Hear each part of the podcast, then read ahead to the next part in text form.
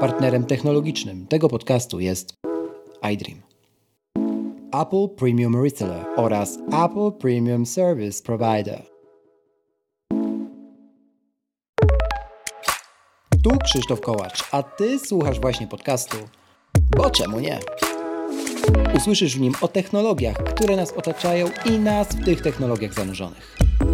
Sprawdzam, pytam i podpowiadam, jak korzystać z nich tak, aby to one służyły nam, a nie my im.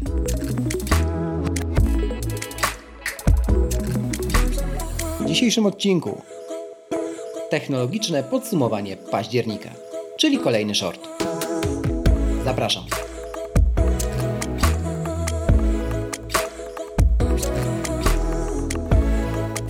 Zanim zaczniemy, proszę zostaw opinię na Apple Podcast lub na Spotify. Twój głos ma znaczenie. Zaczynamy. Zaczynamy od Google. Firma zaprezentowała Pixela 7, 7 Pro, Pixel Watcha i Pixel Tablet. O ile same smartfony wśród zwolenników marki cieszą się niezmiennie popularnością, o tyle zdecydowanie nie możemy powiedzieć tego o Pixel Watchu. Przynajmniej bazując na pierwszych recenzjach, w tym polskich, link do kanału Bartka Nieantyfana, z którym rozmowę też nagrałem jakiś czas temu, również Wam podlinkuję w opisie do tego odcinka, znajdziecie właśnie tam, bo uważam, że na swoim kanale Bartek bardzo trawnie podsumował, czym dzisiaj jest pierwszy smartwatch sygnowany marką Pixel. Krótki, mniejszy niż doba, czas pracy na jednym ładowaniu, a do tego ekran z gigantycznymi wręcz ramkami. Czy to wystarczy na 2022 rok, żeby konkurować z Apple Watchem? Moim zdaniem nie. Dla mnie to nieudane dziecko Fitbita i Google. Zresztą kolejny dowód, że sprzedaż firmy wielkiemu graczowi nie do końca bywa korzyścią dla klientów. I tak, użytkownicy Pixel Watcha do obsługi swojego zegarka mają dwie osobne aplikacje. Tę od Google, podobną do aplikacji Watch od Apple i aplikację Fitbit. Istna paranoja. Google Stadia oficjalnie uśmiercone i to po trzech latach. Internetowa usługa do grania w chmurze najpierw zdobyła dość dobre przyjęcie rynku i popularność nawet w Polsce, aby, jak to u Google bywa, zostać zabitą kilka lat później. Szkoda, choć jest to kolejny dowód na to, że pewne jest tylko google.com, ewentualnie PL. Od 18 stycznia 2023 roku usługa zostanie oficjalnie całkowicie wyłączona.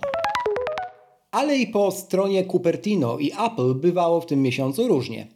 Zaczynając jednak od plusów. W końcu zadebiutował iOS 16.1 i iPadOS 16.1. Tym samym mogliśmy skorzystać z nowego systemu, z najnowszego systemu Apple na iPadach.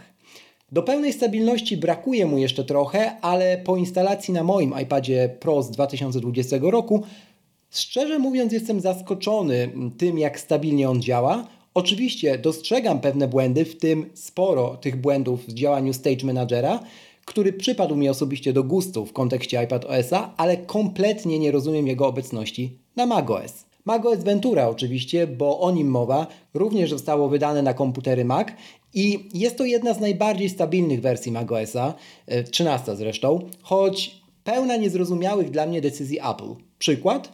Przeprojektowane preferencje systemowe, które teraz są po prostu ustawieniami. I okej, okay, to, że one są ustawieniami, tak jak na systemach mobilnych, jest bardzo w porządku i rozumiem ten kierunek i tor myślenia Apple, ale to jak panel wygląda obecnie i jak strasznie nieczytelny się stał, tego nie jestem już w stanie pojąć. Przykładowo, konfiguracja touchpada czy Magic Mouse dawniej od lat tłumaczona switcherom czy osobom, które kupiły właśnie pierwszego Maca za pomocą osadzonych wideo reprezentujących ludzkie dłonie, czyli no najprościej jak się da, teraz tłumaczona jest za pomocą niezrozumiałych infografik, które są kompletnie nieludzkie, a pod sobą mają dosłownie tuzin opcji do wyboru. Jak się w tym połapać? Nie mam pojęcia i myślę, że wielu switcherów będzie miało z tym gigantyczny problem. Za nami także ciche premiery produktowe. Ciche z dwóch powodów. Po pierwsze, nie było Apple Event w październiku, mieliśmy tylko informację prasową. Po drugie, Ceny. O nowych iPadach 10 generacji i modelach Pro, a także nowym Apple TV 4K rozmawiałem z Kamilem Kwiatkowskim w 222 odcinku tego podcastu, a jeśli jesteście zainteresowani ich zakupem, zapraszam do salonów iDream i na iDream.pl. Wiele wskazuje również na to, że w listopadzie Apple w końcu zaprezentuje nowe komputery Mac z procesorami Apple M2, M2 Pro i M2 Max. Mowa tutaj oczywiście o 14 i 16 calowych MacBookach Pro. Prawdopodobnie odbędzie się to już przy okazji Apple Event, takiego pełnoprawnego, ostatniego tym samym w 2022 roku. Na razie to tylko spekulacja. Pozostaje nam czekać. Jest też drożej w usługach Apple. Znowu, bo od listopada firma podnosi ceny w Polsce i są to ceny tym razem usług. Jak to wygląda? Jedyną rzeczą, która nie podrożała są pakiety iCloud Plus. Mowa tutaj o pakietach dysk dyskowych oczywiście, o przestrzeń w chmurze iCloud. Wszystko inne poszło w górę. I teraz kolejno. Usługa Apple One, która nadal jest najbardziej opłacalnym sposobem dostępu do właściwie wszystkich usług, jakie są dostępne w tym kraju mm, od Apple, z 24,99 zł za pakiet solo podrożała do 34,99 zł, natomiast pakiet rodzinny podrożał z 39,99 zł na 44,99 zł groszy. Apple Music z 20 zł bez jednego grosza podrożało na 21 zł 99 groszy, natomiast dostęp do platformy Apple TV Plus z 24 zł 99 groszy podrożał znacznie na 34 zł 99. Apple Music wersji dla studentów pozostało z ceną niezmienioną. Jak to mówią moi drodzy, tanio już było na te stawki, a także na podwyższone ceny produktów Apple musimy być gotowi przez najbliższe 3, myślę, że do 5 lat. Być może wtedy, choć niekoniecznie, zaczną one spadać. Po drodze nie wiadomo co będzie. Moim zdaniem ceny jeszcze wzrosną. Jak to mówią, za każdym razem, gdy cena u Apple rośnie, Tim Cook macha flagą z czarno-białą szachownicę. Żarcik. Ale tak było właśnie podczas ostatniego Grand Prix Stanów Zjednoczonych, Formule 1.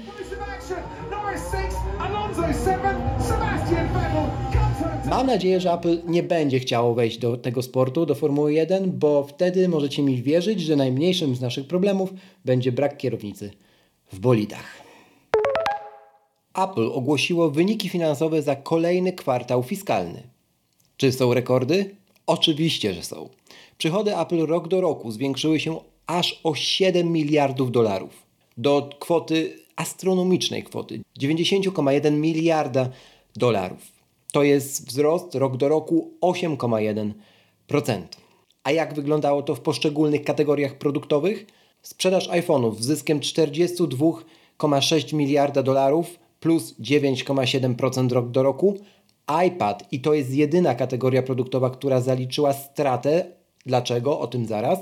Z wynikiem 7,1 miliarda dolarów to jest minus 13,1% rok do roku.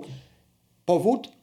iPady nowe dopiero co zadebiutowały, więc jeszcze nie miały się kiedy sprzedać i nie miały jak się wliczyć do tych wyników finansowych ogłoszonych w ubiegłym tygodniu. Czy będzie lepiej?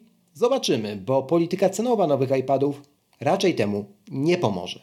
Rekordowy, historyczny czas dla komputerów Mac ze sprzedażą na poziomie 11 miliardów dolarów i to jest plus, uwaga, 25,4% rok do roku. Niesamowity rekord sprzedaży Maców, spowodowany według mnie dwoma sprawami. Po pierwsze, Apple Silicon coraz bardziej powszechnie jest znane jako te procesory, które odleciały konkurencji, odleciały Intelowi i ludzie chcą po prostu Maców z procesorami od Apple.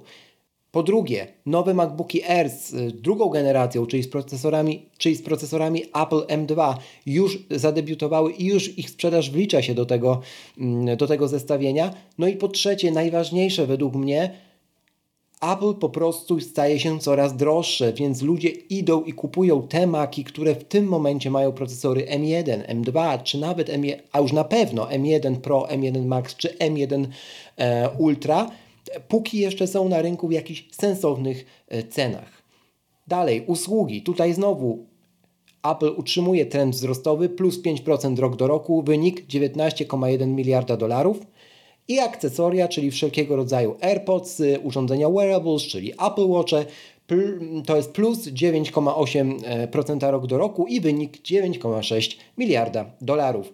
Łącznie jeszcze raz 90 ponad miliardów dolarów rok e, do roku zysku. 50% nabywców iPada to są też nowe osoby w tej kategorii produktowej, a w, przypa w, przypadku Apple Watcha aż 2 trzecie konsumentów kupiło w minionym kwartale swój pierwszy smartwatch od Apple, a bardzo często był to ich pierwszy w ogóle e, smartwatch. Zysk Apple za ostatni kwartał to 20 miliardów 721 milionów dolarów. W ostatnim kwartale też Apple skupiło akcje własne za 25 miliardów dolarów i wypłaciło w formie dywidendy aż, uwaga, 2,7 miliarda dolarów. Firma posiada obecnie w gotówce 169 miliardów dolarów i jednocześnie 120 miliardów dolarów długu. Steve Jobs, pamiętacie go jeszcze? Wystąpił ostatnio w podcaście a przynajmniej to sztuczna inteligencja bazująca na jego wypowiedziach z rozmaitych nagrań czy archiwów pozwoliła na to, aby Steve pośmiertnie był gościem. So, without further ado, my friend who is difficult to describe and wonderful, and I'm so grateful he came on the show. How's it going?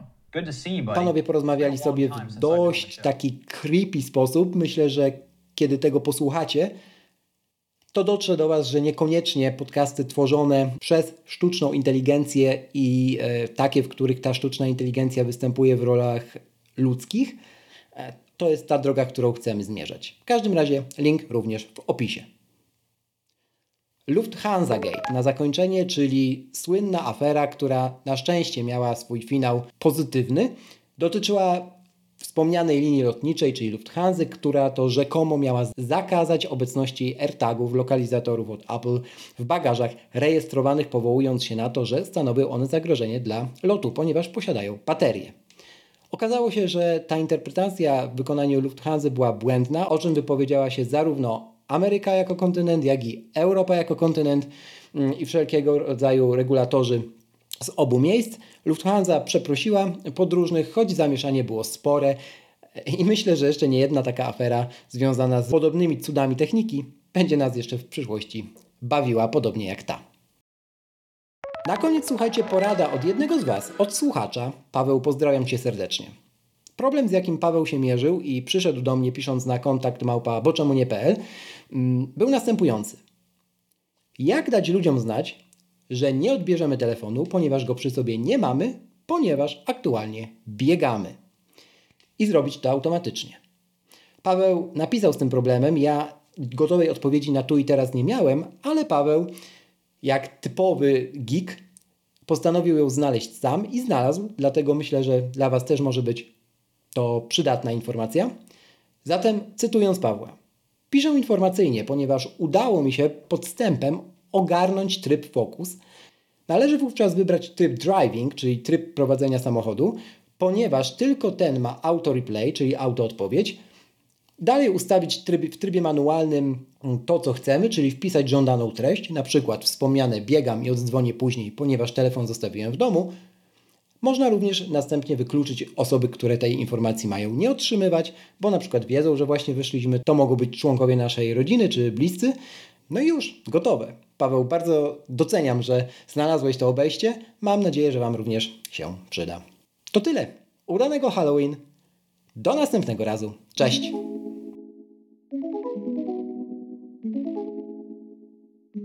Raz jeszcze, na koniec, żeby nie umknęło.